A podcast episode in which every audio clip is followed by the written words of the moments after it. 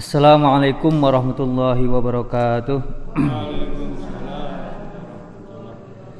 Bismillah, alhamdulillah, wassalatu wassalamu ala rasulillah wa ala alihi wa mawalah la hawla wa la quwata illa billah amma ba'du ila Nabi Mustafa sallallahu alaihi wasallam wa ala alihi wa sahbihi wa auladi wa dhurriyyatihi thumma ila hadrat ihwanihi min al-anbiya mursalin wa ala awliya wa wa salihin والصحابة والتابعين والعلماء العاملين والمصنف المخلصين والجميع الملائكة المقربين خصوصا إلى مشايخنا ومشايخ مشايخنا وأساتذتنا وأساتذة أساتذتنا وخصوصا إلى مؤلف هذا الكتاب وصاحب الشرح الفاتحة.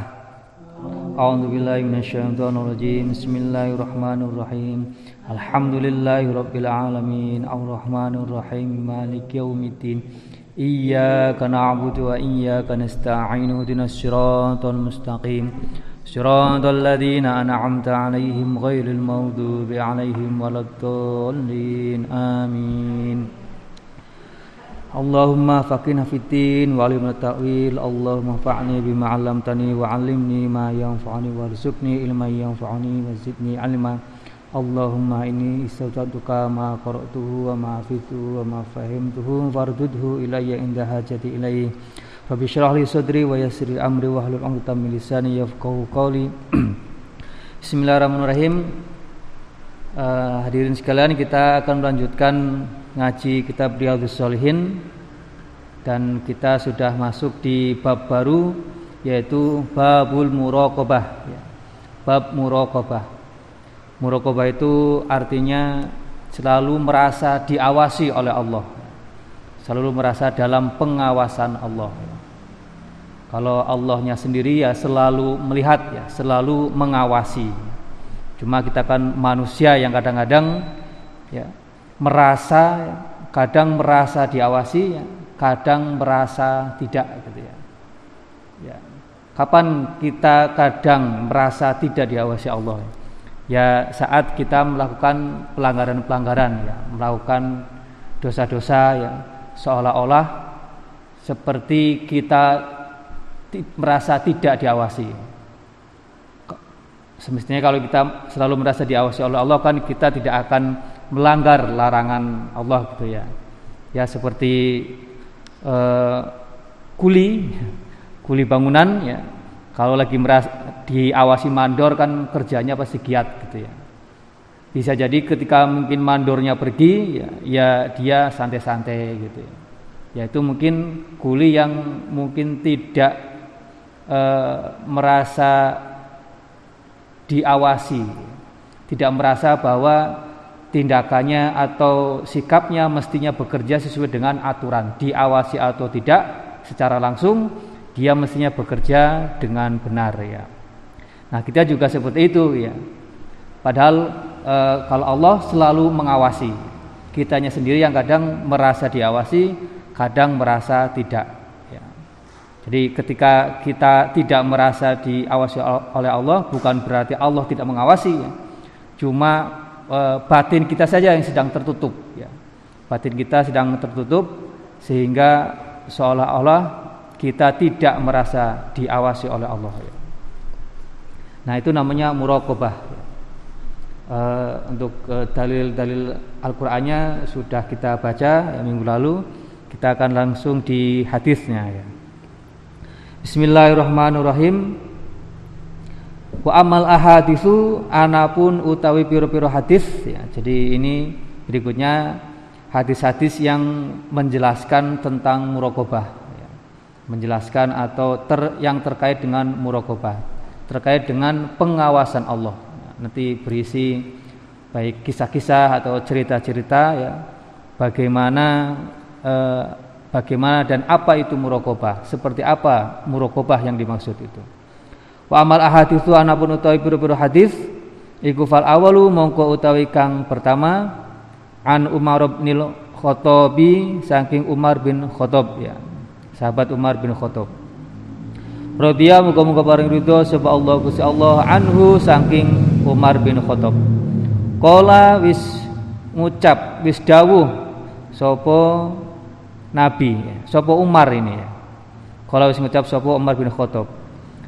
bainama bainama nahnu ing dalam antarane utawi kita iku julusun piro-piro wong kang lungguh ing Rasulillahi ing dalem sandinge Gusti Rasul sallallahu alaihi wasallam. Zata yaumin ing dalam siji dina. Iftola'a ujuk-ujuk muncul. Ya, ketok katon. Alaina ing kita sapa rajulun wong lanang syadidu bayadi thiyabi kang banget putih klambini.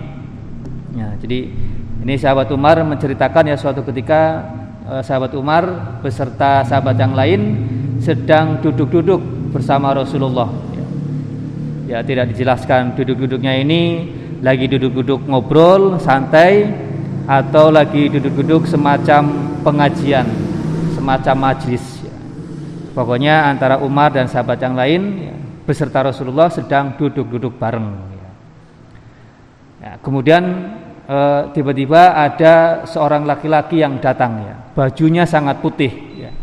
Syadidu sawadi sya'ri banget ireng rambute, rambutnya sangat hitam. Ya. La yuro la yuro ora ketinggal alaihi ingatase rojul opo atharus safari labete safar perjalanan wala ya'rifu lan ora ngerti hu ing rajul minna sangi kita sapa ahadun wong siji jadi seorang laki-laki ini yang pakai baju putih ya rambutnya uh, sangat hitam ya. tiba-tiba datang ya, ikut uh, kumpul ya tapi tidak kelihatan dia datang dari mana ya atau malah nggak kelihatan tanda-tanda dia melakukan perjalanan apalagi mungkin ini di di Arab ya di Arab kan sudah panas terus eh, padang pasir mestinya kalau orang baru datang ya pasti kelihatan ya. Mungkin keringetan mungkin rambutnya aut-autan karena angin kenceng gitu ya. E, mungkin mukanya agak gosong ya. Bajunya mungkin e, agak kusut ya.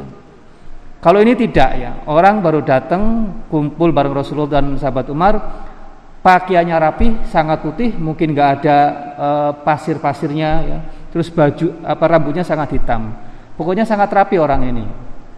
Tidak kelihatan orang seperti e, setelah melakukan perjalanan.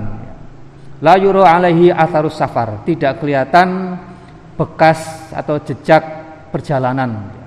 Pokoknya datang saja wala ya'rifuhu minna ahadun dan gak ada yang kenal ini baik Rasul baik Umar ya, uh, dan sahabat yang lain gak ada yang kenal siapa sih uh, rojul ini ya hatta jalasa sehingga lungguh sapa rojul ila nabi marang Gusti Nabi sallallahu alaihi wasallam fa asnada mongko nyendenake menyandarkan sapa rojul rukbataihi ing dengkul lorone rojul ila rukbataihi marang dengkul lorone Gusti Rasul. Nah, kemudian laki-laki ini datang langsung menghadap Rasulullah. Jadi Rasulullah sedang duduk, mungkin duduk sila seperti ini gitu ya. Kemudian laki-laki ini datang langsung uh, di depan Rasulullah sambil menempelkan uh, lututnya. Ya. Jadi lututnya laki-laki ini ditempelkan ke lutut Rasulullah. Ya. Wa alan deleh meletakkan sapa rajul kafaihi ing epe-epe lorone rajul ya telapak tangannya ala fakhidaihi ing atase pupu lorone rajul. Jadi datang e, lututnya ditempelkan di lutut Rasulullah mungkin dalam posisi sila seperti ini gitu ya. Kemudian e, si rajul ini laki-laki ini meletakkan tangannya di atas pahanya sendiri. Tapi ada yang mengatakan paha, e, tangannya itu diletakkan di paha Rasulullah. Tapi pendapat yang e, lebih kuat ya, laki-laki ini meletakkan tangannya di paha sendiri. Kebayang ya Bu ya, jadi lagi duduk seperti ini, laki-laki datang di hadapan Rasulullah, ditempelkan ke lututnya, lututnya nempel, kemudian duduk seperti ini, kayak gini, terus nempel lututnya itu. Wakola lantakon soporojul, ya Muhammadu he Muhammad, akhir aweh khobar sapa sira aweh weruh aweh ngerti sapa sira ni marang ingsun anil islami saking Islam nah si rajul ini uh, setelah duduk kemudian tanya ke, Rasul, ya Rasul, ya Muhammad ya, beritahu saya tentang Islam. Ya. Beritahu saya tentang Islam, ajarkan saya tentang Islam.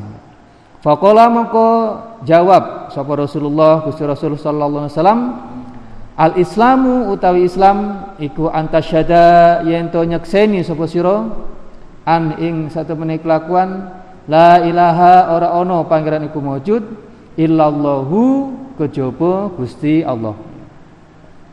Ditanya tentang apa itu Islam, ya, kemudian Rasulullah menjawab bahwa Islam adalah saat engkau ya, menyaksikan atau e, bersyahadat ya bahwa Allah, bahwa tiada Tuhan selain Allah ya. Wa anna Muhammadan lan sa lan sak temene Muhammad iku Rasulullahi utusane Gusti Allah. Nah, jadi Islam kata Rasul yang pertama itu engkau bersyahadat ya memberikan kesaksian bahwa tiada Tuhan selain Allah dan bahwa Nabi Muhammad adalah utusan Allah. Itu yang pertama. Watu qima lanju menengake sapa sira as-salata ing salat. Nah, yang kedua, Islam adalah engkau menjalankan salat. Ya, jadi yang pertama yang disebut dengan syahadat ya. Yang kedua, salat. Watu tia lan watu tia lan e, maringake sapa sira az-zakata ing zakat. Nah, yang ketiga memberikan zakat ya. Engkau memberikan zakat atau membayar zakat. Watasu malan poso sapa sira ing bulan Ramadan. Nah, sebentar lagi Ramadan. Nah, yang keempat Islam adalah engkau berpuasa pada bulan Ramadan. Watahujja lan haji sapa sira al baita watahujja lan haji atau nejo ya. Jadi haja yahuji itu secara harfiah artinya nejo, menyengaja e, maksudnya menyengaja untuk e, mengunjungi Baitullah. Wa tahu jalan haji sapa sira al baita ing Baitullah ini stata'ta lamun kuasa sapa sira ilaihi marang bait ya, Baitullah apane sabilan dalane. Nah, yang kelima Islam adalah engkau e, melaksanakan ibadah haji jika mampu. Melaksanakan ibadah haji, haji jika mampu. Nah itu. Jadi oh, si rojul ini eh, datang. Yang pertama ditanyakan adalah apa itu Islam? Ya, kemudian Nabi menjawab Islam adalah syahadat ya, kemudian sholat kemudian zakat puasa dan haji. Ini yang disebut dengan apa bu? Rukun Islam. Ya, rukun Islam itu yang ada puji-pujiannya itu loh bu tahu pujiannya bu apa rukune Islam rukune Islam Gimana lagi tuh? Iku ono limo terus siji syahadat. Nah, syahadat ini syahadat Rasul, eh syahadat eh, kepada Allah dan syahadat kepada Nabi. Siji, siji syahadat loro salat, telu zakat. Nah, sama ini.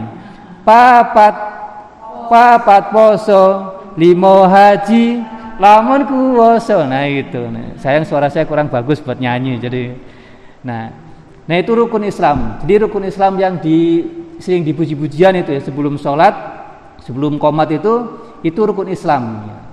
Itu dari hadis Nabi Muhammad. Ya. Nah itu kan cara orang kita kan, kreativitas orang kita, masyarakat kita untuk ke, menjelaskan atau mengajarkan ajaran Islam, rukun Islam dengan cara yang kreatif ya, dibikin puji-pujian, dibikin lagu ya sehingga mudah diingat, mudah dihafalkan ya. Makanya kan anak-anak pasti mungkin sebagian besar hafal ini puji-pujian seperti ini kan. Karena sering dipuji-pujikan ya dibacakan setelah adzan sambil nunggu komat. Nah, itu rukun Islam namanya. Nah, itu yang pertama ditanyakan oleh eh, apa si rojul tadi kepada Nabi Muhammad ya tentang rukun Islam.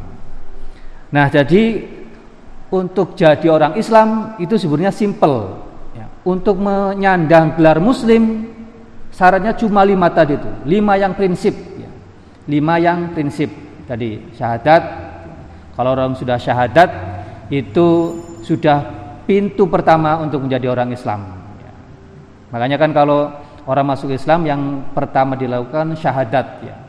Baru kemudian sholat, belajar sholat ya zakat, ya, puasa, ya, haji kalau kalau mampu. Gitu ya. Itu namanya rukun Islam. E, nah kalau orang sudah melaksanakan lima prinsip itu, ya dia sah menjadi orang Islam. Nah kalau yang lainnya, ajaran-ajaran lainnya, ya itu bagian ya menjadi cabang dari rukun Islam ini. Jadi ibaratnya itu ya e, rukun itu kan artinya pojok sebenarnya, pojok atau fondasi ya, fondasinya ya. Rukun itu bahasa kita ya, terjemahan bahasa kita. Nanti e, di hadis lain itu disebut bunia, bunia Islamu ala khomsin Bunia itu dibangun. Jadi Islam itu dibangun atas lima fondasi. Ya tadi ini rukun Islam. Jadi Islam itu ibarat rumah ya, eh, yang fondasinya tadi rukun Islam. Rumahnya hanya cukup untuk tempat tinggal, untuk tidur, untuk mandi, untuk makan. Sudah rumahnya seperti itu saja. Tidak ada tamannya, tidak ada pagernya, ya. tidak ada apa Pokoknya rumahnya hanya sekedar untuk tempat tinggal saja. Itu kalau sekedar rukun Islam. Makanya Islam itu uh, untuk bisa menjadi indah dan sempurna, maka harus lebih dari sekedar membangun fondasinya saja. Ya. Harus uh, melakukan hal-hal yang menjadikan keislaman kita kuat dan indah ya. Kayak fondasi itu kan ya nggak cukup cuma fondasi kalau untuk disebut rumah yang layak gitu kan ya kalau mau rumahnya indah harus ada tamannya, ada pagernya ya. Kalau ingin tamannya yang indah ya eh, tanamannya bervariasi macam-macamnya ya. Eh, warna-warnanya macam-macam. Nah, Islam juga seperti itu. Kalau pengen keislaman kita lebih sempurna, lebih indah ya, eh, maka ajaran-ajaran lain yang termasuk dalam cabang-cabang rukun Islam ini juga diajarkan, dijalankan gitu ya. Misalkan kan yang tidak disebutkan dalam rukun e, Islam misalkan ya. Man kana yu'minu billahi wal yaumil akhir apa? Fal yukrim dai fahu. Orang yang beriman kepada Allah dan hari akhir maka hendaknya dia memuliakan tamunya. Itu kan gak disebutkan dalam rukun Islam ya, tapi bagian menjadi ajaran Islam. Nah kalau kita sudah menjadi orang Islam, sudah memenuhi lima syarat ini, kemudian ditambah dengan tadi memuliakan tamu, maka keislaman kita menjadi lebih indah, lebih bagus. Ibarat rumah kita sedang bangun apanya itu, e, tamannya mungkin ya. Kan ada lagi. Man kana yu'minu billahi wal yawmil akhir fala yu'adhi jaruhu. Orang yang beriman kepada Allah dan hari akhir jangan menyakiti tetangga. Harus akur dengan tetangga. Ini tambah lagi indah ini. Tadi menghormati tamu, sekarang ditambah lagi dengan tidak menyakiti tetangga, akur dengan tetangga. Ya kita ibaratnya lagi bangun pagar rumahnya ini, tambah lagi. Apalagi min husli min husni islamil mar'i tarkuhu malayaknihi. Di antara kesempurnaan Islam adalah ketika kita mampu meninggalkan hal yang tidak berguna, yang tidak bermanfaat kita tinggalkan. Artinya kita melakukan hal-hal yang bermanfaat. Tambah lagi keislaman kita itu. Nah, itu hanya hanya sebagian saja dari ajaran-ajaran Islam uh, selain rukun Islam ya. Maka uh, ajaran Islam yang lebih detail ya, dengan cara mengkaji hadis seperti ini gitu ya. Kalau sekedar apa Islam sebatas pada rukun Islam ya cuma lima itu saja gitu ya. Walaupun memang sudah sah sebagai orang Islam ketika sudah menjalankan lima rukun Islam itu. Tapi akan lebih indah keislamannya lebih kuat keislamannya ketika tadi menghormati tetangga uh, tidak menyakiti tetangga akur dengan tetangga menghormati tamu ya, dan sebagainya. Masih banyak ajaran-ajaran ya. Termasuk kita sedang ngaji seperti ini ya kita sebenarnya sedang memperindah keislaman kita memperkuat keislaman kita Nah itu itu rukun Islam yang pertama yang ditanyakan oleh rojul kepada Nabi Muhammad gitu ya. Kola kola ngucap sopo rojul. Nah tadi ketika Nabi ditanya apa itu rukun Islam kemudian dijawab dengan rukun Islam yang lima kemudian ditanggapi lagi oleh rojul. Kola jawab sopo rojul sodakta leres sopo panjenengan. Bener Jadi rojul ditanya, Nabi menjawab, kemudian dibenarkan. Sodakta bener, leres sopo panjenengan. Terus kata Umar, sahabat Umar, fa'ajibna mongko gawok sopo kita. Takjub heran sopo kita. Lahu maring rojul.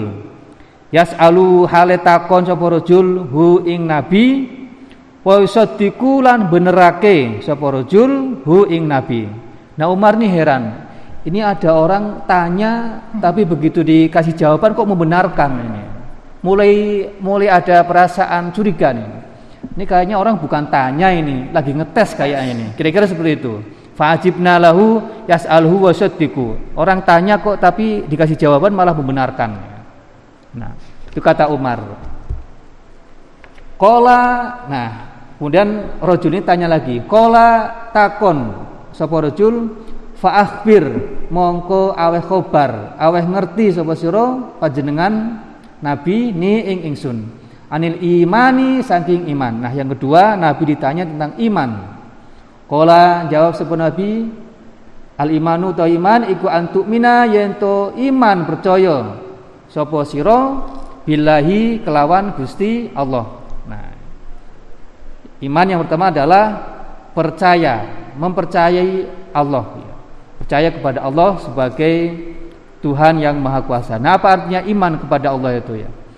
Jadi iman kepada Allah itu ya, percaya bahwa Allah itu Maha Esa, Maha, Maha Tunggal dalam zat, dalam sifat, dalam af'al ya. Jadi fi fi, ya, fil af'ali. Jadi kita percaya bahwa Allah itu Maha Esa dalam zat. Wah, sebentar ini. Ada miskol. Tarta ini kan dulu. Nah itu. Jadi uh, iman itu ya, arti iman kepada Allah itu kita percaya bahwa Allah itu Maha Tunggal, Maha Esa dalam zat jadi bahwa zat Allah itu tunggal, esa. Apa artinya esa bagi Allah itu? Jadi Allah itu Maha Esa yang ada ada dua makna ya ketika uh, kata Allah Maha Esa Maha Tunggal. Yang pertama Allah itu Maha Tunggal tidak ada sekutu. Nah kita sudah paham semua ya. Tidak ada syarik, tidak ada sekutu, tidak ada kawan, tidak ada lawan. Itu namanya Allah Maha Esa Maha Tunggal. Yang kedua, arti Maha Esa atau Maha Tunggal adalah Allah itu atau zat Allah tidak tersusun atas bagian-bagian. Ya, tidak tersusun atas bagian-bagian. Kalau manusia kan ada kepala, ya kan ya? Ada kepala, ada tangan, ada tubuh, ada kaki. Itu manusia. Kalau pohon ada apa itu? Ada ada akar, ada akar, ada batang, ada cabang, ada ranting, ada daun. Apalagi uh, ya rumah ya misalkan rumah ya. rumah ya ada genteng ada ada pintu ada jendela ada lantai dan sebagainya itu namanya tersusun atas bagian-bagian nah kalau Allah itu tidak Allah Maha Esa artinya Allah tidak tersusun atas bagian-bagian Allah nggak punya kepala kayak manusia Allah nggak punya tangan kayak manusia Allah nggak punya tubuh nggak punya kaki nggak punya daun, nggak punya ranting, nggak punya atap. Ya. Pokoknya Allah itu Maha Esa, artinya Allah tidak tersusun atas bagian-bagian. Jadi itu artinya Allah Maha Esa ya.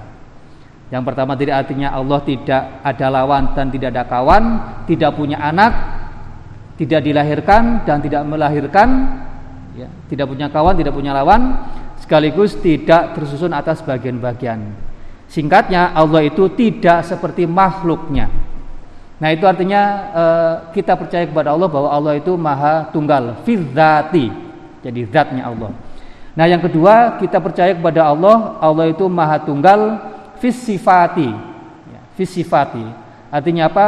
Bahwa sifat Allah itu tidak di tidak disamai ya, oleh makhluknya, tidak disamai oleh makhluknya. Misalkan Allah maha kuasa, makhluk juga punya sifat kuasa. Tapi kuasanya makhluk itu tidak sama dengan kuasanya Gusti Allah.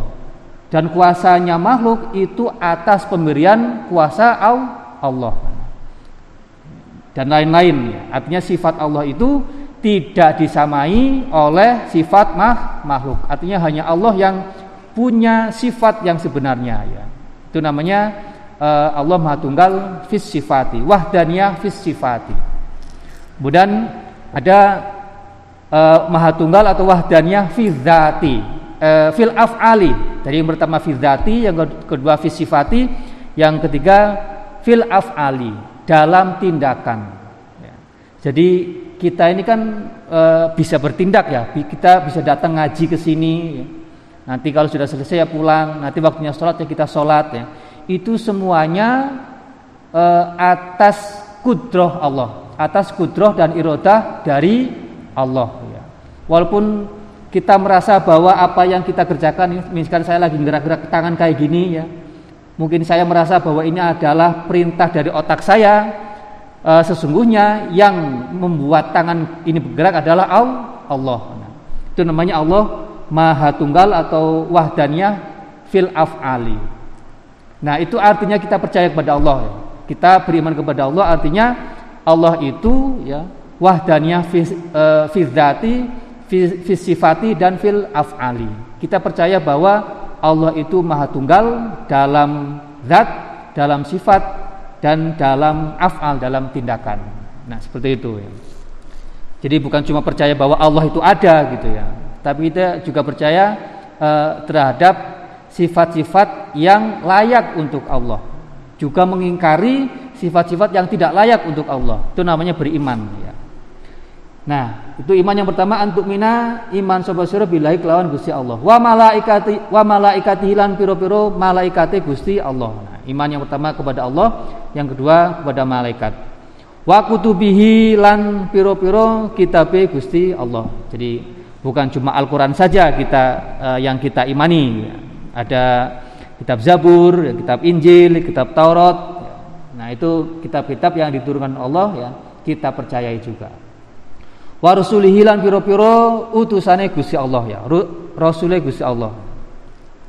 Nih kalau salah sudah dijelaskan ya. Jadi uh, rasul ada ada nabi ada rasul.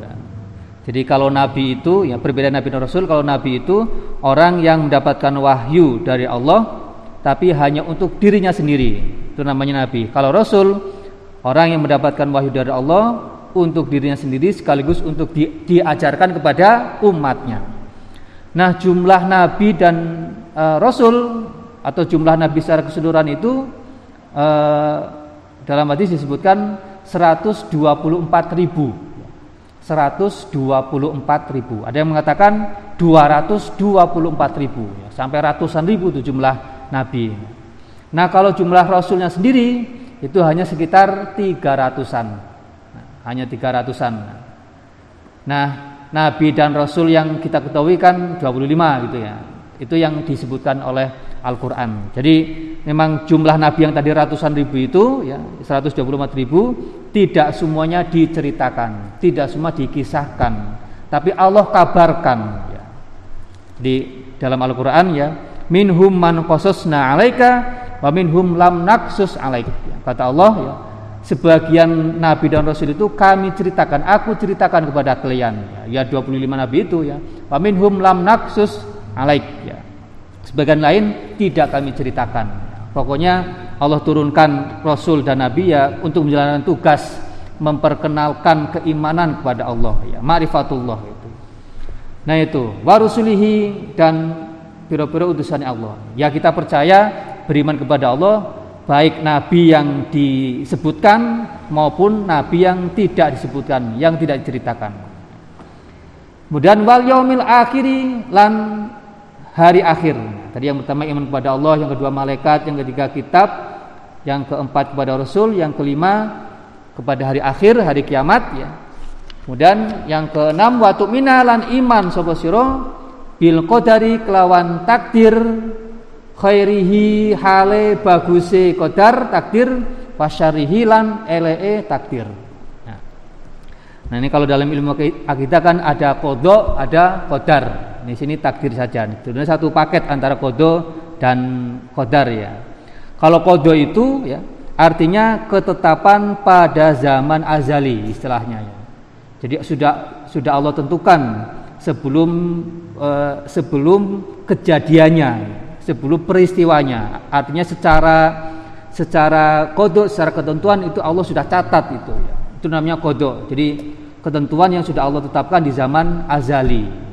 Nah kalau kodar takdir, takdir itu perwujudan dari kodok perwujudan dari kodok misalkan kita ngaji saat ini ini sebelumnya sudah ditulis oleh Allah dalam kodoknya gitu ya. sudah ditentukan bahwa pada malam Kamis ini saat ini nanti akan ada pengajian nah ketika itu namanya kodok nah ketika pengajiannya terwujud itu namanya tak takdir nah, e, misalkan kita kita kan sudah menjadi sunatullah kita kita lahir dan kemudian mati gitu ya. Nah kematian kita itu sudah dicatat dalam kode Allah. Begitu suatu saat kita meninggal wafat itu namanya tak takdir. Jadi kode istilahnya apa ya? Ya yang sudah sudah dikonsepkan, sudah diprogram. Begitu programnya dijalankan itu namanya tak takdir. Nah kita percaya bahwa semua yang terjadi di alam ini termasuk dalam diri kita ya sesuatu yang baik maupun sesuatu yang buruk itu semuanya atas takdir dari Allah kita harus percaya itu baik yang buruk maupun yang baik gitu ya jadi kita harus percaya itu. Bil qadari khairihi wa syarrihi. Ya. kita kita sholat ya itu atas takdir Allah ya. Terus ada orang korupsi takdir Allah bukan bu. Ada orang jadi maling ada orang jadi melakukan kejahatan itu takdir Allah bukan kira-kira. Melakukan keburukan bingung ya nanti soalnya kalau menjawab ada orang berbuat zina ada orang korupsi ada orang maling itu juga takdir Allah nanti dikira Allah juga mendukung hal-hal seperti itu. Nah, kira-kira gimana jelasinnya itu? Padahal bil patuk mina bil qadari khairihi wa. Takdir baik maupun takdir buruk itu semuanya atas ketetapan dari Allah. Ini Bu. Jadi kita ini oleh Allah atau pertama Allah itu punya sifat kudroh dan irodah. Punya sifat irodah dan kudroh. Irodah itu kehendak Kudrah itu kuasa untuk melakukan kehendak. Allah punya dua sifat itu. Nah kita manusia oleh Allah juga diberi sifat irodah dan kudrah. Kita punya kehendak, punya keinginan, sekaligus diberi kudroh, diberi kekuasaan untuk melaksanakan kehendak. Diberi modal itu. Nah sekarang misalkan, kenapa kita sholat? pada prinsipnya itu adalah atas kudroh Allah melalui irodah dan kudroh yang kita miliki irodah irodah dan kudroh kita ini dari Allah nah karena kita punya irodah punya kudroh punya kemauan untuk sholat jamaah di masjid di musola ini dan punya kemampuan untuk sholat di masjid ini maka ya kita melakukan sholat itu ya karena kita punya irodah dan kudroh itu irodah, irodah dan kudrat itu dari Allah. Jadi pada hakikatnya ketika kita sholat di sini ya atas kuasa Allah gitu ya. Nah sebaliknya ada orang misalkan korupsi misalkan itu pada hakikat, hakikatnya atas irodah dan kudroh dari Allah. Irodah, irodah dan kudrohnya yang mengantarkan orang itu untuk melakukan korupsi atau kejahatan lainnya. Terus kenapa misalkan yang sholat dapat pahala, yang korupsi sama dengan mencuri akan mendapatkan siksa. Padahal semuanya sama-sama dari Allah. Kalau memang sama-sama dari Allah kan yang melakukan kejahatan ya mestinya nggak usah dihukum juga kan, wong sama-sama dari Allah gitu. Ya. Bagaimana itu juga itu jelasinya gitu. Nah, tadi orang punya irodah, punya kudro, sebenarnya punya kemampuan untuk memilih, untuk melakukan kebaikan atau meninggalkan keburukan.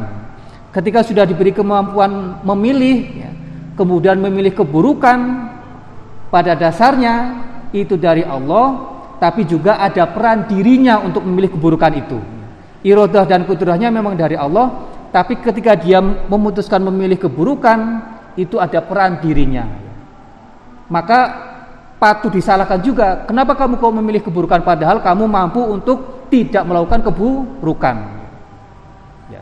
Jadi tetap akan ditutup juga gitu. Walaupun secara iroda dan kudrahnya itu dari Allah ya. Maka misalkan nanti suatu saat kita protes kepada Allah, ya Allah, bukankah uh, keburukan yang saya lakukan juga atas irodah dan kudrahmu ya? Ya akan ditutup balik oleh Allah. Ya. Padahal kamu juga mampu punya irodah dan kudrah untuk tidak melakukan itu gitu ya. Jadi tidak ada alasan lagi untuk untuk membantah ya bahwa keburukan kita itu uh, akan kita lepaskan begitu saja ya. Walaupun pada hakikatnya uh, kudroh atau takdir yang buruk itu itu semuanya dari Allah itu secara hakikat, secara hakiki. Tapi pada sunatullahnya ada peran kita ya, yang membuat kita bisa dituntut oleh Allah kelak di akhirat. Nah itu. Jadi ada iradah, ada kudroh yang membuat kita bisa memilih untuk berbuat baik atau berbuat buruk. Ya. Jadi kita tidak bisa menuntut Allah untuk untuk atas keburukan yang kita lakukan gitu ya. Maka kita bisa salahkan diri sendiri. Kenapa irodah dan kudroh kita ya diarahkan untuk melakukan hal-hal yang bu, buruk. Nah itu. Patuk mina, patuk mina bil kodari khairihi wa syarrihi. Ini secara hakikat, ya, secara hakikat bahwa semuanya itu dari Allah. Gitu ya. Kola Kola uh, jawab atau ngucap sopo rojul Sodakta bener leres sopo panjenengan Nah, jadi Nabi ditanya apa itu iman, kemudian Nabi menjawab ya, yang disebut dengan rukun iman. Ya. Sodakta leres sopo panjenengan. Kola ngucap takon sopo rojul. Fa'akhbir mongko awe khobar panjenengan ni marang ingsun anil ihsani saking ihsan. Setelah rukun Islam selesai, rukun iman selesai, si rojul ini tanya lagi tentang ihsan. Fa'akhbirni anil ihsan. Kola jawab sopo nabi iku anta buddha yento nyembah sopo siro Allah ing Gusti Allah kaannaka kaya sak temene kaya kaya sak temene siro iku taro ningali weruh sopo siro hu ing Allah. Ihsan adalah engkau beribadah kepada Allah seolah-olah engkau melihat dengan mata kepala sendiri. Nah, fa'ilam fa'ilam takun moko lamun ora ana sapa sira iku taro weruh sapa sira hu ing Gusti Allah fa innahu mongko satemene Gusti Allah iku yaro weruh sapa Allah ka ing sira. Nah, ini muraqabahnya ini. Jadi tadi hadis yang panjang ini inti muraqabahnya di ihsan ya. Fa'il khususnya di fa'ilam takun tarohu fa innahu yaraka ya. Jadi muraqabah adalah engkau beribadah kepada Allah seolah-olah engkau melihat Allah. Jika engkau tidak melihat Allah, maka yakinlah bahwa Allah melihat engkau. Nah, itu namanya muraqabah. Jadi Allah e, selalu melihat kita ya. Fa ilam takun tarahu fa innahu yaraka. Nah, ini. Tadi kan ada Islam, ada iman, ada ihsan.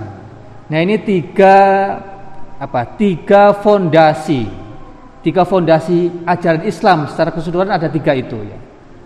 Jadi eh, secara umum Islam itu ada tiga itu. Ada Islam sendiri ada eh, iman ada ihsan. Maka eh, para ulama ya kemudian merumuskan ajaran Islam secara prinsip ya itu ada tiga. Atau ilmu-ilmu keislaman itu secara prinsip ada tiga yang pertama ilmu syariat atau ilmu fikih tadi yang mewakili Islam ya. Kemudian ada ilmu akidah itu mewakili iman. Kemudian ada ilmu tasawuf atau ihsan itu yang mewakili ih, mewakili uh, tasawuf atau akhlak ya. Itu yang mewakili ihsan tadi itu ya. Jadi ada Islam, ada iman, ada ihsan dirumuskan menjadi keilmuan ya. Ada ilmu syariat atau fikih, ada ilmu akidah, ada ilmu tasawuf atau akhlak. Nah, itu tiga uh, prinsip keilmuan atau tiga prinsip keislaman. Maka ilmu-ilmu yang lain, ilmu tafsir, ilmu hadis, ya, ilmu nahwu, nah, itu ilmu pendukung. Ilmu pendukung dari ilmu syariat ilmu akidah dan tasawuf tasawuf ya jadi ilmu intinya ada tiga itu. Ilmu yang lainnya adalah ilmu-ilmu pendukung ya. Untuk memudahkan mempelajari dan mengajarkan ketiga ilmu tadi itu. Nah itu ya. Kemudian nah nah Islam selesai iman selesai ihsan selesai masih tanya lagi nih si rojul.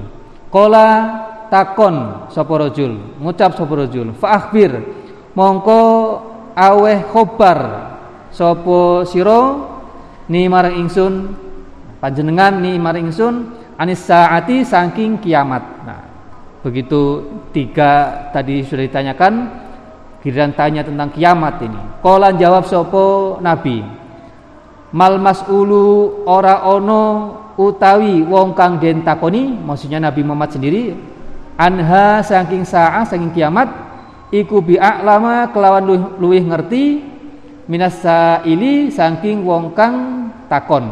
Nah, ketika Nabi ditanya kiamat itu apa? kata Nabi ya orang yang ditanya tidak lebih ngerti dari orang yang na nanya. Ya. Ya. maksudnya eh, ketika dari malaikat sebenarnya malaikat yang nanya ini. Ketika Rasul tanya ya apa itu kiamat? Ya bisa jadi karena memang tidak tahu ya ketika ditanya kepada Nabi Nabi juga tidak tahu. Artinya sama-sama tidak tahu. Mal mas'ulu anha ya alama minas sa'ili. Nah karena Nabi ditanya tentang malaikat nggak tahu tanya lagi ini si rojul kola takon ngucap sapa rojul fa'akhbir. Mongko awe khobar sapa sironi marang ingsun an amarotiha saking piro-piro tandane saah tandane kiamat. Sudah kalau malaikat eh kalau kiamat nggak tahu kapan kira-kira terjadi, tanda-tandanya saja. Tanda-tandanya apa? Kata Rojul tadi. Kola jawab sopo nabi iku antalida yento nglairake sopo al amatu budak wadon robbataha ing tuwane amat. Nah, nah kata Nabi tanda kiamat yang pertama adalah ketika ada budak perempuan melahirkan tuannya. Jadi ada budak melahirkan tuannya. Kan kebalik kan. Mestinya kan e, ada tuan dulu baru budak ya. Mau beli atau atau seperti apa caranya. Kalau ini tidak ada budak dulu baru tuan. Nah ini kiasan ya. Antalidal amatu robbataha ini kiasan. Jadi ada budak yang melahirkan tuanya itu artinya ya e, antara lain ya, banyak penafsiran sebenarnya untuk pengertian untuk e, kalimat ini. Artinya ya e, di antara tanda tanda kiamat adalah ketika banyak perbudakan. Ya. Perbudakan dalam arti yang sebenarnya, pada masa pada masa Nabi gitu ya. Budak dimiliki kemudian e, apa namanya e, yang menjadi menjadi benda Budak pada zaman Nabi itu kan seperti benda ya, bukan dianggap seperti manusia. Ya. Walaupun punya hak-hak manusia, tapi e, boleh dijual belikan dan sebagainya. Ya, pokoknya kayak benda gitu ya. Nah, di antara tanda-tanda kiamat adalah ketika banyak perbudakan. Apa artinya ketika terjadi perbudakan itu? Artinya banyak penaklukan, banyak penaklukan oleh is Islam. Pada zaman Nabi kan ketika ada peperangan dan pasukan musuh kalah ya maka e, orang-orangnya boleh dijadikan budak diperbudak gitu ya diperbudak nah arti e, apa budak yang melahirkan an, e, tuanya adalah ketika banyak keperbudakan artinya banyak penaklukan ketika banyak perbudakan pasti atau hampir dipastikan ya si tuan ini akan memperlakukan budak sebagaimana eh, apa apa eh, suami yang memperlakukan istrinya. Artinya boleh digauli boleh di boleh digauli jadi budak itu boleh digauli walaupun tanpa ada ikatan pernikahan ya. pada zaman Nabi seperti itu ya boleh digauli sampai kemudian punya anak nah nah begitu punya anak anaknya budak ini dinisbahkan kepada bapaknya bapaknya ini kan orang merdeka menjadi tuan kan ketika seorang anak yang lahir dari budak itu nisbahnya kepada bapaknya. Artinya si anak bukan jadi budak, tapi jadi orang merdeka yang statusnya boleh memiliki orang tuanya ini yang menjadi budak gitu. Kebayang ya Bu ya, kira seperti itu ya. Jadi ketika budak melahirkan seorang anak, anaknya ini binnya itu nisbahnya kepada bapaknya. Ya kayak kita kan biasa bin e, nisbahnya ke, kepada bapak kan budak kepada ibu gitu ya. Nah, kenapa? Walaupun tanpa nikah ya. Jadi budak pada pada zaman dulu ya, itu memang boleh diperlakukan apa saja ya. Di, digauli, dijual dan sebagainya. Termasuk digauli tanpa pernikahan. Kalau dinikahi menjadi merdeka gitu ya. Menjadi bukan budak lagi. Nah, di antara tanda-tanda kiamat seperti itu ya. Ketika banyak perbudakan, budaknya digauli oleh tuanya, kemudian punya anak, anaknya menjadi pemilik si budaknya itu. Itu salah satu pengertiannya. Kemudian kemudian ditafsiri kalau terjadi perbudakan berarti artinya banyak penaklukan-penaklukan oleh Islam. Banyak negara ditaklukkan, kemudian banyak perbudakan. Nah kira-kira ini terjadi nggak bu? Zaman sekarang terjadi nggak? Di mana itu? Nggak ada kayaknya.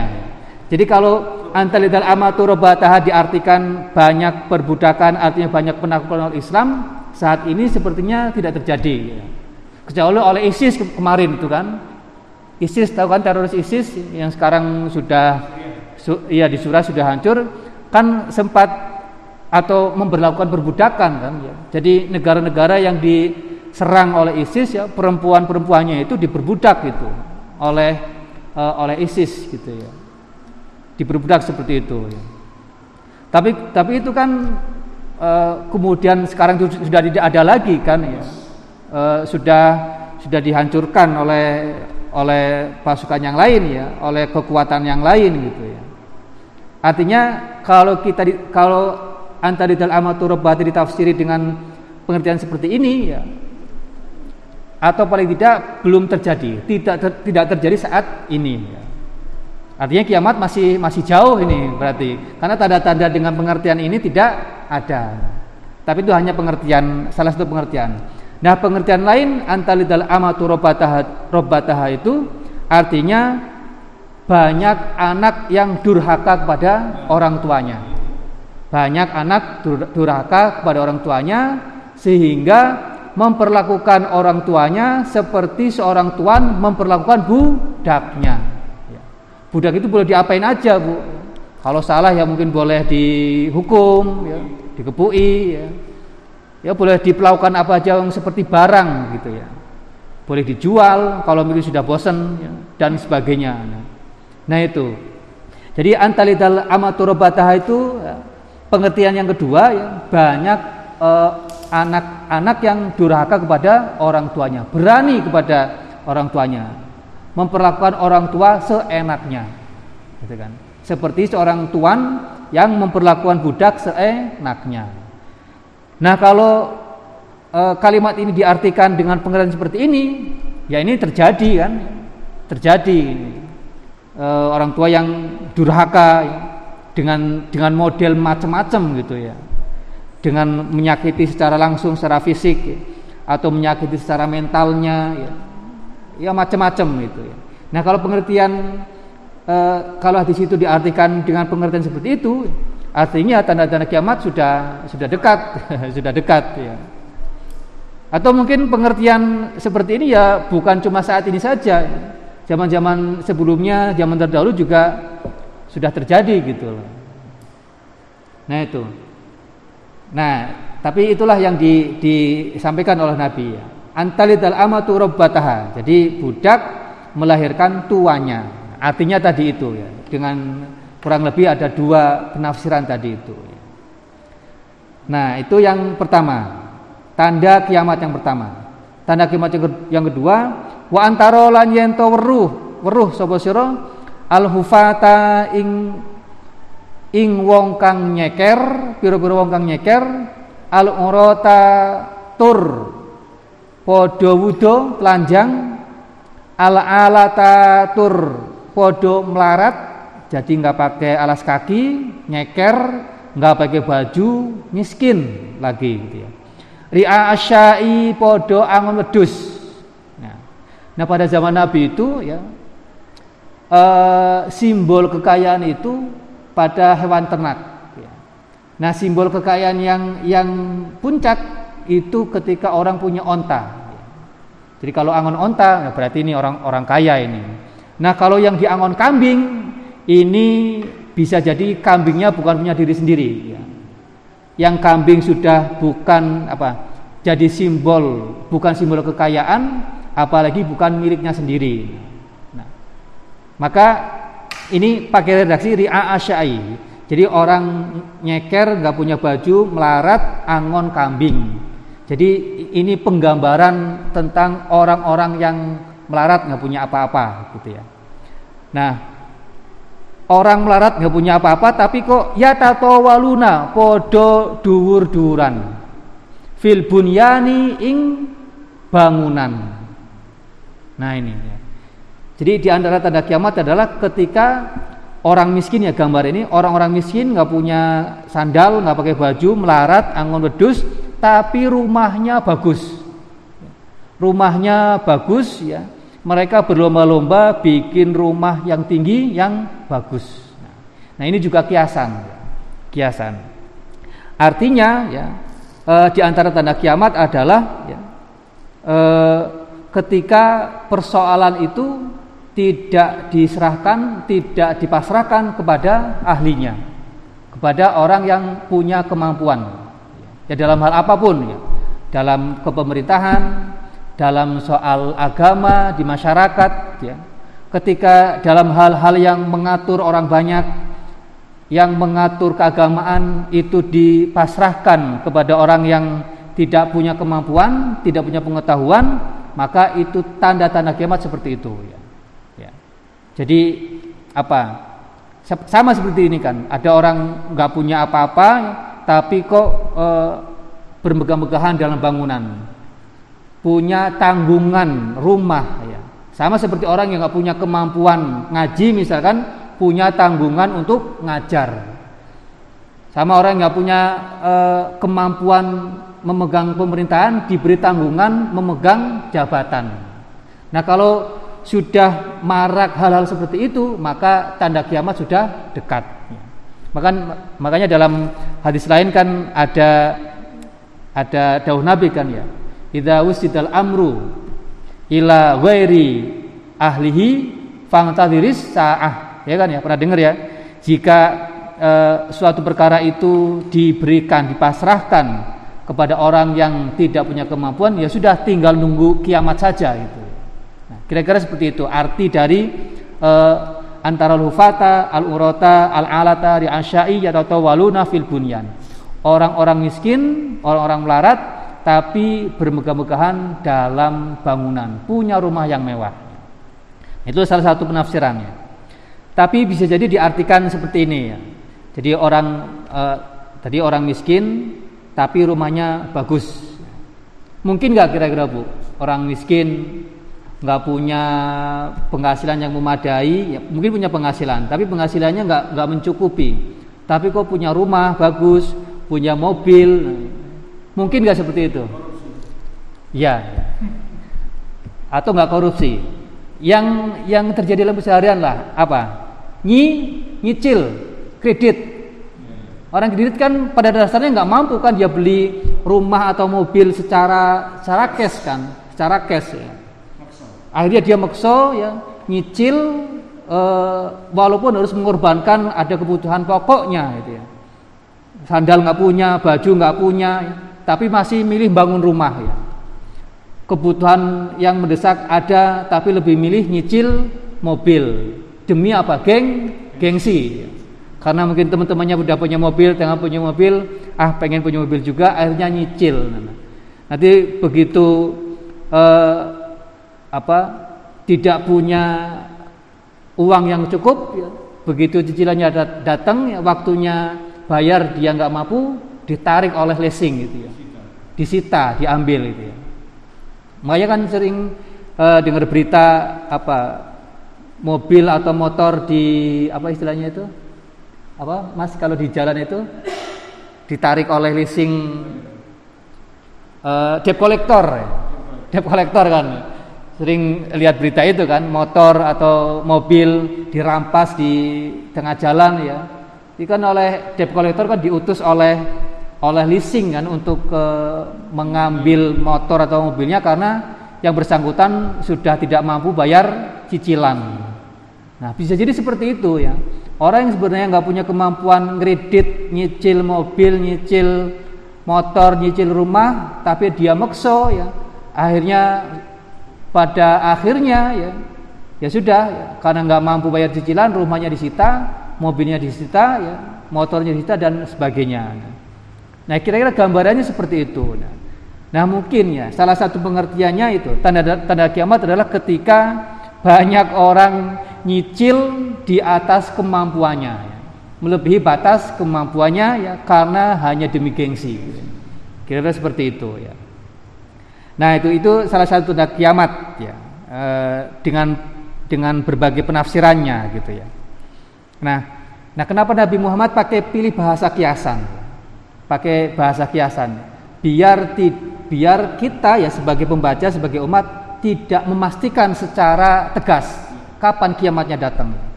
Kalau kemudian diartikan secara Nabi memberikan tanda secara tegas pakai kalimat yang tegas itu kan tandanya kelihatan nanti orang akan oh kiamat sudah datang kiamat sudah datang. Akhirnya terjadi kepanikan dan sebagainya. Kalau di apa diungkapkan dengan kalimat e, kiasan kalimat majazi ya kinayah gitu ya Artinya masih banyak penafsiran ketika penafsirannya tidak tidak sesuai dengan kenyataan yang ada, orang akan berpikir, "Oh, berarti bukan saat ini kiamat ini." Berarti ada penafsiran yang lain ya. Berarti eh, kiamat masih ada kemungkinan untuk ke mundur sehingga kita bisa melakukan tindakan-tindakan atau amalan-amalan yang mungkin eh, bisa menjadi bekal sebagai kesadaran untuk menuju hari yang ditentukan itu. Nah, kira-kira seperti itu. Nah, ketika sudah selesai semua ya, suman tolako nuli budal lungo soporojul. Nah, sudah nanya tentang Islam, tentang e, iman, ya, tentang isan, tentang kiamat. Rojul ini pergi. Suman tolako nuli budal soporojul falabistu mongko meneng. Sopo ingsun? Kata Umar malian ing zaman kang suwe ing mongso kang suwe. Jadi ketika rojul ini datang nanya-nanya segala macam ya Nabi nggak nggak menjelaskan uh, siapa sosok rojul ini. Sampai kemudian sampai berhari-hari gitu ya. Sumakola nuli takon nuli ngucap sopo rasul Sampai kemudian setelah beberapa hari, ya Umaru du Umar, hai Umar, atadri ono ono toh ngerti sapa sira, ono toh weruh sapa sira iku man sapa asailu utawi wong kang takon. Nah, setelah beberapa hari Nabi kemudian ngasih tahu ke Umar. Umar tahu nggak kemarin yang nanya-nanya tentang Islam, ihsan, iman, tentang kiamat itu siapa ya? Kultu jawab sopo Umar. Allahu ta'ala Allah wa rasuluhu lan rasulullah Allah iku a'lamu luwih ngerti. Nah, kata Umar, Allah dan Rasulullah Rasulnya yang lebih tahu gitu. Kola jawab sapa Nabi, fa innahu monggo satemene rajul iku Jibrilu malaikat Jibril. Nah, ternyata ya, yang tadi nanya-nanya soal Islam, iman, isan dan kiamat itu malaikat Jibril. Ata hale teko sapa Jibril kum ing sira kabeh yu'allimu hale mulangi sapa Jibril kum ing sira kabeh amra dinikum ing urusane agama sira. Nah kata Nabi kemarin yang banyak nanya itu malaikat Jibril ya datang untuk mengajarkan agama Islam, agama kalian. Jadi Nabi menisbahkan kepada kepada Jibril ya, walaupun yang kemudian menjelaskan kan Nabi Muhammad ya soal Islam, iman, isan dan seterusnya gitu ya. Nah, jadi uh, malaikat Jibril datang kepada Nabi Muhammad dan sahabatnya dengan nyamar menjadi seorang laki-laki tadi itu yang rambutnya hitam, bajunya putih, ya. nggak ada kotornya blas gitu ya. Nah jadi gitu, jadi malaikat itu kan makhluk goib ya, malaikat makhluk goib. Ya. Jadi uh, kita atau malaikat tidak bisa uh, memperlihatkan dirinya wujud aslinya kepada penduduk bumi kayak kita ya, Eh, kecuali kalau dia nyamar dalam bentuk manusia seperti tadi itu ya. Jadi malaikat Jibril ini ya pernah datang ke Nabi Muhammad ya dua kali. Semuanya dalam e, bukan dua kali ya. Artinya yang dua kali itu e, dat, datang ke Nabi Muhammad dalam wujud aslinya. Dalam wujud aslinya dua kali, cuma dua kali. Yang selebihnya ya malaikat Jibril datang ke Nabi Muhammad itu ya e, dengan wujud manusia tadi itu ya, dengan yang tadi nanya ngajar, ngajarin tentang rukun Islam dan seterusnya. Pernah juga malaikat Jibril datang ke Nabi Muhammad itu sambil nyamar menjadi pemimpin pasukan perang ya. Jadi malaikat Jibril ikut datang dalam suatu perangan nyamar menjadi pemimpin pasukan. Nah, selebihnya ya ketika ketika malaikat Jibril menyampaikan wahyu ya itu tidak mewujudkan dirinya ya. Ya tetap dalam dalam kondisi goib kemudian menyampaikan wahyu kepada Nabi Muhammad ya.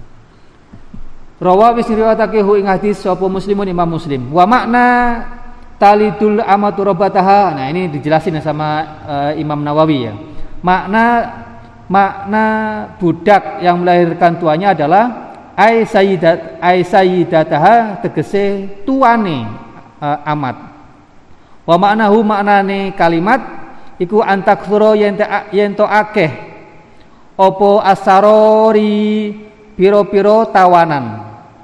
Hatta talida sehingga nglairake sopo al amatu budak wadon asuriyatu selir. Suryatu artinya selir. Suri makanya kan ada permai apa? Permaisuri permaisuri selir itu artinya ya. Jadi selir budak ya. Eh, apa namanya? Pasangan yang selain istri itu namanya selir ya. budak selir itu ya. uh, antali hatta talidal amatu suryata asuryatu bintan anwadon di sayyidiha marang tuane amat wa bintu sayyidilan utawi anake sayyid anake tuan iku fi makna sayyidi ing dalem maknane sayyid nah, nah anak yang dilahirkan oleh budak maka anak ini dinisbahkan kepada tuannya, kepada bapaknya yang menjadi tuan si budak itu ya. Wakilalan den ucapake ghairu dzalika liyane mengkono makna. Jadi ada yang mengatakan maknanya tidak seperti itu ya. Tadi itu ya, maknanya banyak e, anak yang durhaka kepada orang tuanya gitu. Wal alatu manane alat iku al fuqara'u biro-biro wong kang fakir, wong larat Wa qauluhu lan utawi maknane malian makna kata mali malian ayat tegese zamanan mongso tawilan kang dawa waktu yang lama ya. Wakana lan ono apa zaman tawilan? Wakana ono apa zalika iku zaman tawilan? Iku salah kan telung dino ya. Zamanan tawilan telung dino tadi setelah uh, Nabi setelah uh, malaikat Jibril datang gitu ya Baru tiga hari kemudian Nabi menjelaskan, ya, memberitahu kepada Umar bahwa rojul yang datang itu malaikat Jibril. Nah. Wassalamualaikum warahmatullahi wabarakatuh.